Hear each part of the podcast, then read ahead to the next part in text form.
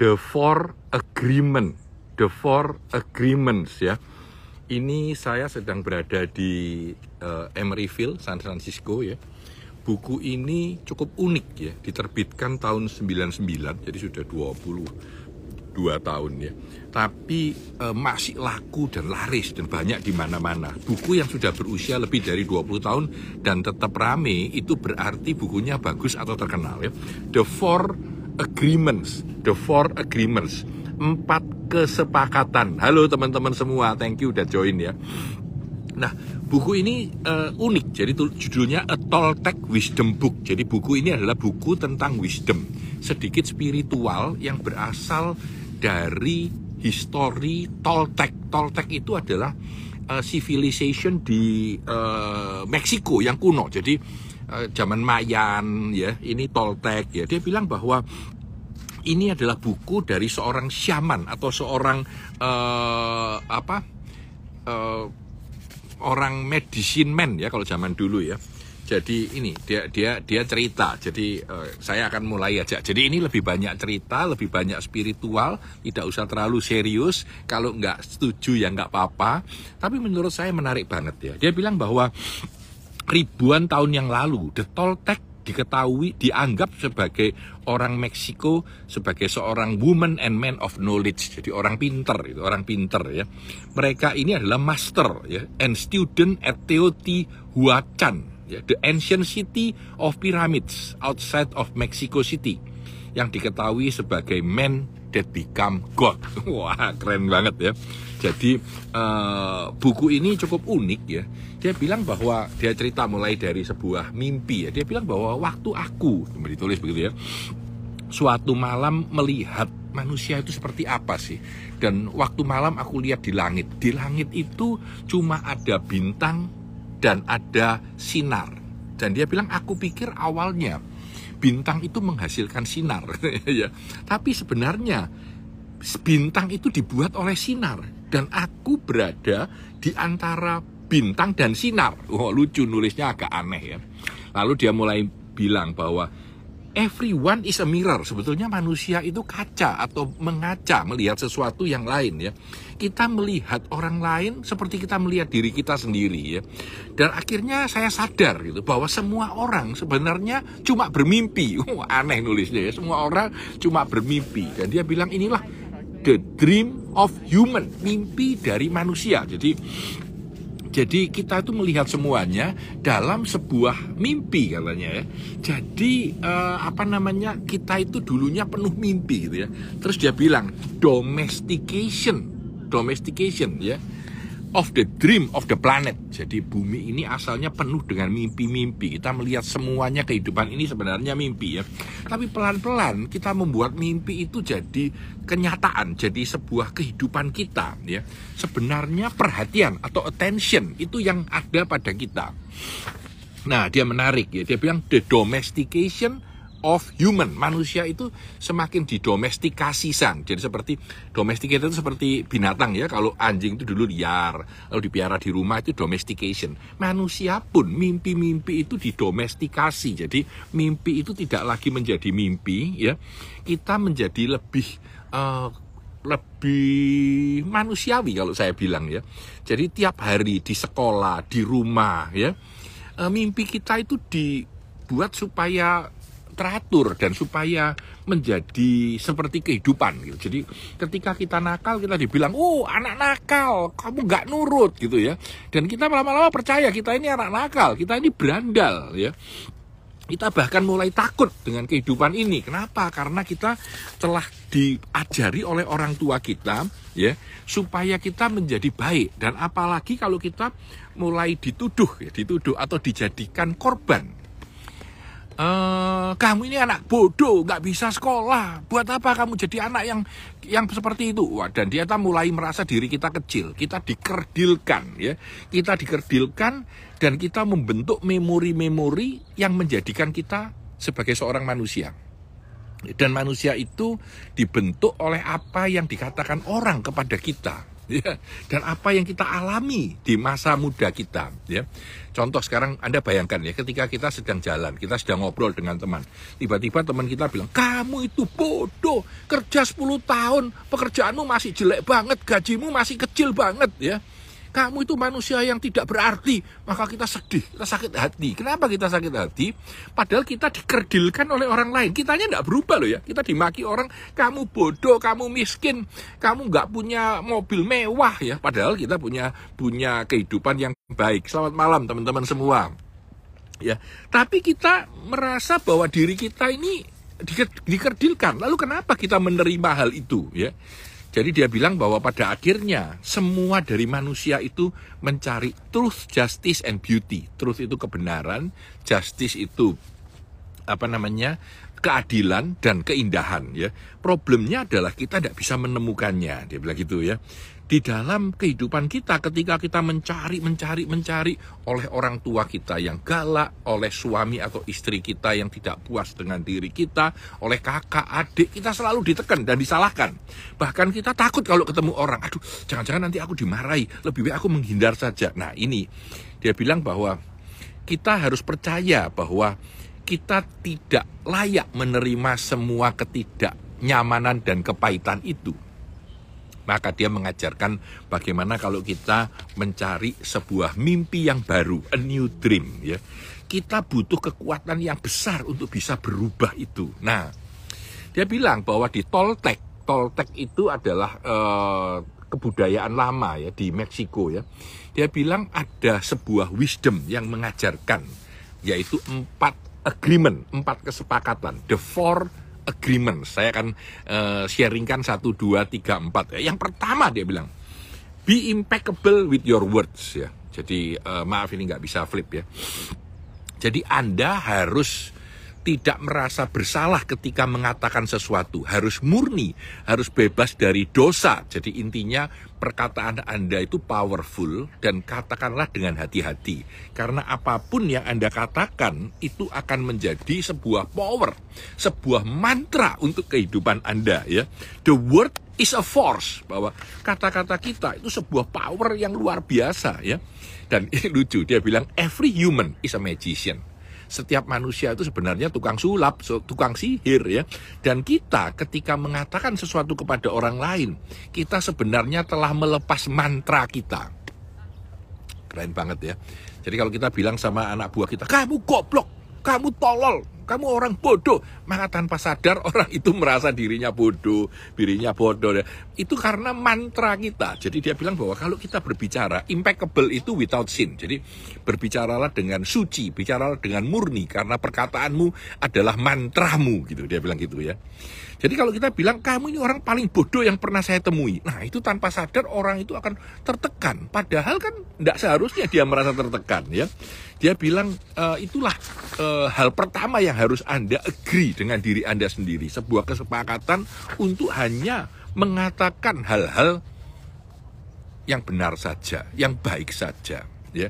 Kadang-kadang gosip itu katanya black magic itu yang terburuk katanya. Apalagi kalau kita memburukkan orang lain. Nggak boleh. Jadi kita harus berbicara dengan hati kita ya. Kita bisa menemukan surga dunia. Kalau apa pun yang kita katakan itu tanpa dosa. Aneh ini ya. Itu the first agreement. Jadi kesepakatan pertama. Second agreement kesepakatan kedua. Don't take anything personally ya. Don't take anything personally. Jangan menganggap semua itu uh, adalah personally. Personal jadi aku ya, sangat aku gitu ya. Kita tuh terlalu sering dimaki orang atau diolok-olok orang atau dirasanin orang. Orang itu loh, wah, meditnya luar biasa, duit disimpan terus, ya, dan kita sakit hati luar biasa. Orang itu loh, bodoh banget, wah sakit hati luar biasa. Orang itu loh, padahal kita kan harus sakit hati gitu ya. Itu kan urusan dia yang ngomong, bukan kita gitu. Kita harus hidup dari diri kita sendiri ya. Jangan mengambil semuanya itu adalah personally bahwa kita agree kalau kita menyetujui bahwa orang itu bilang kamu bodoh dan Anda menganggap diri Anda bodoh, maka sebenarnya Anda telah menerima apa yang dia katakan gitu. Dan itu berbahaya. Jadi hindarilah hal itu. Jangan uh, apa namanya mengatakan atau ya hal-hal yang buruk tapi juga jangan mau menerima. Kalau orang memaki Anda, menyalahkan Anda ataupun memburukkan Anda ya. Uh, sebenarnya otak kita itu seperti bioskop katanya dia, ya. Dan kita ini punya hak untuk mengatur film yang kita jalani. Kalau orang memburukkan kita, menyalahkan kita, ya, mengatakan kita melarat gitu ya, itu nggak boleh gitu. Karena apa? Nggak boleh kamu terima karena biarin aja. Itu kan dia. Kalau kita mulai menerima, halo teman-teman semua, terima kasih, salam dari San Francisco ya. Nah dia bilang bahwa opini orang lain, pendapat orang lain tentang diri Anda tidak selalu benar dan tidak perlu Anda perhatikan. Yang perlu Anda perhatikan adalah diri Anda sendiri, ya. Dia bilang orang-orang toltek memahami tentang hal ini. Jadi apa pun yang Anda katakan tidak akan mempengaruhi dia. Don't take anything personally, ya. Kalau orang melayani Anda dengan respect, dengan cinta, ya, itu adalah sebuah hadiah yang kamu terima ya jangan kamu lawan gitu ya kalau orang memberikan sesuatu yang buruk ya jangan diterima itu hakmu gitu menarik ya ya kamu bisa mengatakan kata I love you gitu ya tanpa merasa malu ataupun ditolak ya. Jadi uh, kita harus punya self love, kita harus punya self care, kita harus peduli dengan diri kita sendiri. Jangan terlalu mau di apa namanya uh, di jelekkan orang, dimarahi orang ya, atau orang itu tiba-tiba menoleh dan melirik aja, wah orang itu pasti lagi mengolok-olok aku, nggak usah diperhatikan, bukan urusanmu ya. Dan yang ketiga, kesepakatan ketiga, don't make assumption. Jangan membuat asumsi. Nah ini menarik ini. Jangan membuat asumsi ini menarik banget ya. Dia bilang sebenarnya apa yang membuat kita sedih, apa yang membuat kita tidak nyaman, itu adalah karena kita percaya dengan asumsi-asumsi yang ada di benak kita.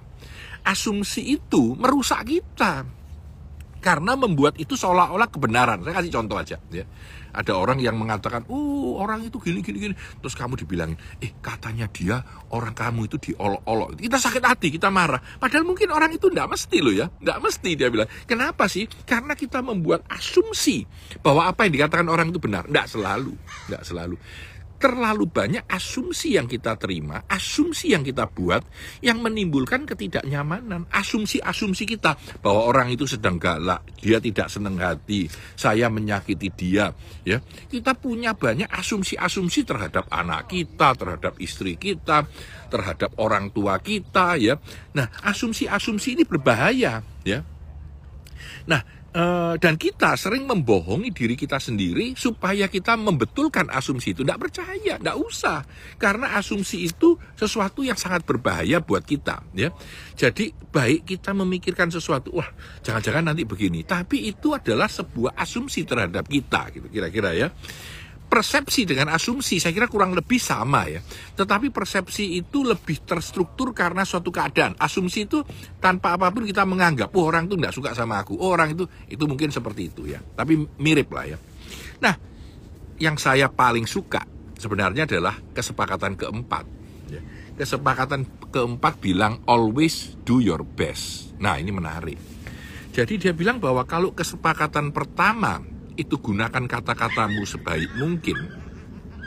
Kesepakatan kedua, jangan menganggap semuanya adalah tentang Anda. Kesepakatan ketiga, jangan membuat asumsi. Maka kesepakatan keempat itu menarik. Ya. Lakukan yang terbaik untuk yang bisa kamu lakukan. Nah, sebetulnya kesepakatan keempat ini menyelesaikan ketiga kesepakatan sebelumnya. Nah, ini menarik. Dia bilang bahwa the fourth agreement is the action of the first three. Jadi perilaku Anda untuk tiga pandangan yang di awal tadi itu dilakukan dengan do your best ya. Do your best dalam semua keadaan yang ada. Tidak peduli Anda sedang sakit, Anda sedang capek, Anda sedang dibenci orang, atau Anda sedang membenci orang. Lakukan yang terbaik ya. Karena kita dengan melakukan yang terbaik, sebenarnya kita sudah selesai dengan hati kita sendiri kita sudah selesai dengan diri kita sendiri. Hasilnya nanti. Saya selalu bilang, kalau kamu sudah menyelesaikan pekerjaan dengan sebaik mungkin, kamu sudah mengerjakan dengan maksimal, tidak berhasil, itu tidak salahmu. Tapi kalau kamu tidak melakukan yang terbaik, kamu tidak berusaha secara benar, itu jelek gitu. Jadi dia bilang, kalau saya bisa mengatakan I did my best, saya telah melakukan yang terbaik. There is no regret. Tidak ada penyesalan lagi ya. Itulah sebabnya ketika kita mengerjakan yang terbaik yang kita bisa, maka sebenarnya kita sudah selesai. Karena ketika hal di depan, ketika sepakatan telah menjadi action kita, bahwa kita telah melakukan yang terbaik. Dan yang ke keempat ini penting, karena tanpa yang keempat ini, tiga yang di depan tidak jalan dengan baik gitu ya. Action is about living fully, hidup dengan penuh. In action, ini berarti kita deny our life, kita menolak kehidupan kita, ya. Jadi kita kadang-kadang harus betul-betul melakukan yang terbaik yang kita bisa, ya. Kita dilahirkan dengan hak untuk menjadi happy ya kamu dilahirkan dengan hak untuk mencintai menikmati dan berbagi tentang cinta gitu ya nikmati gitu ya. Ini juga menurut saya bagian dari self love sebenarnya. Ketika kita mencintai diri kita sendiri tanpa sadar sebenarnya kita itu sudah mulai menghargai tidak ter terlalu berpikir orang lain. Orang lain mengatakan kamu itu orang malas gitu. Biarin bukan urusanku. Nggak usah di, di, di, dianggap lah ya. Sehat selalu teman-teman sekalian. Terima kasih. Ya.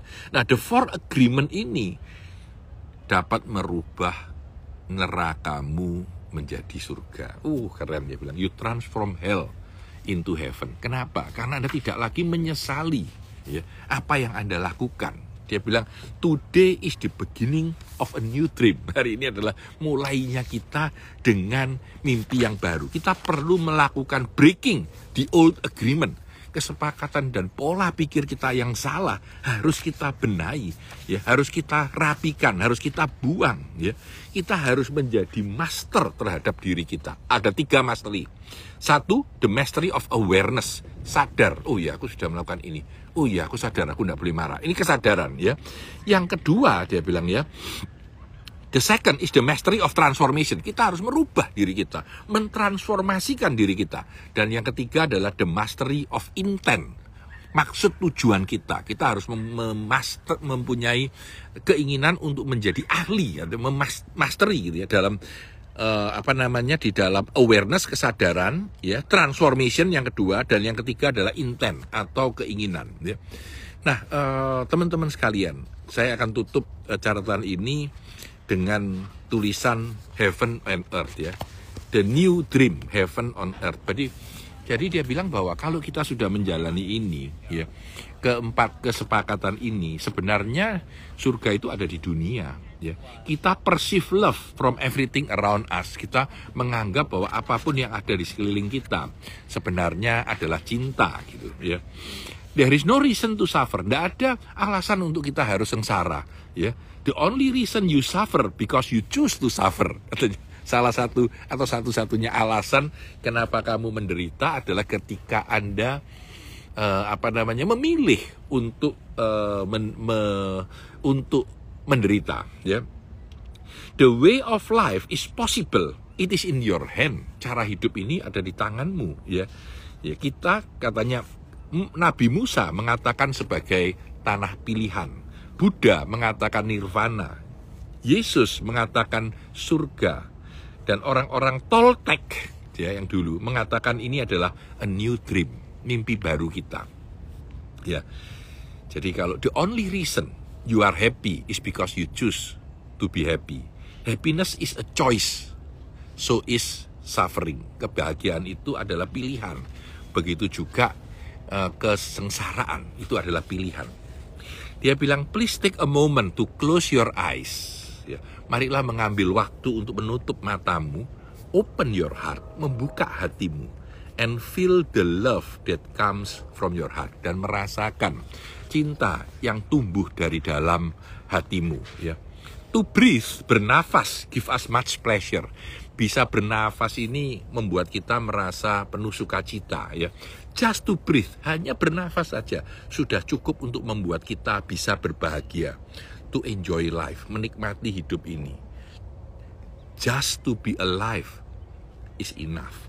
Cukup kalau kita bisa hidup ini sebenarnya ya. Mungkin uh, saya buat penutup ya, teman-teman sekalian, doa Anda malam ini mungkin yang terbaik adalah dimulai dengan doa dan bilang Tuhan terima kasih amin selesai itu ya itu mungkin yang terbaik ya jadi ini adalah the four agreements a Toltec wisdom book ya penulisnya namanya Don Miguel Ruiz, Don Miguel Ruiz.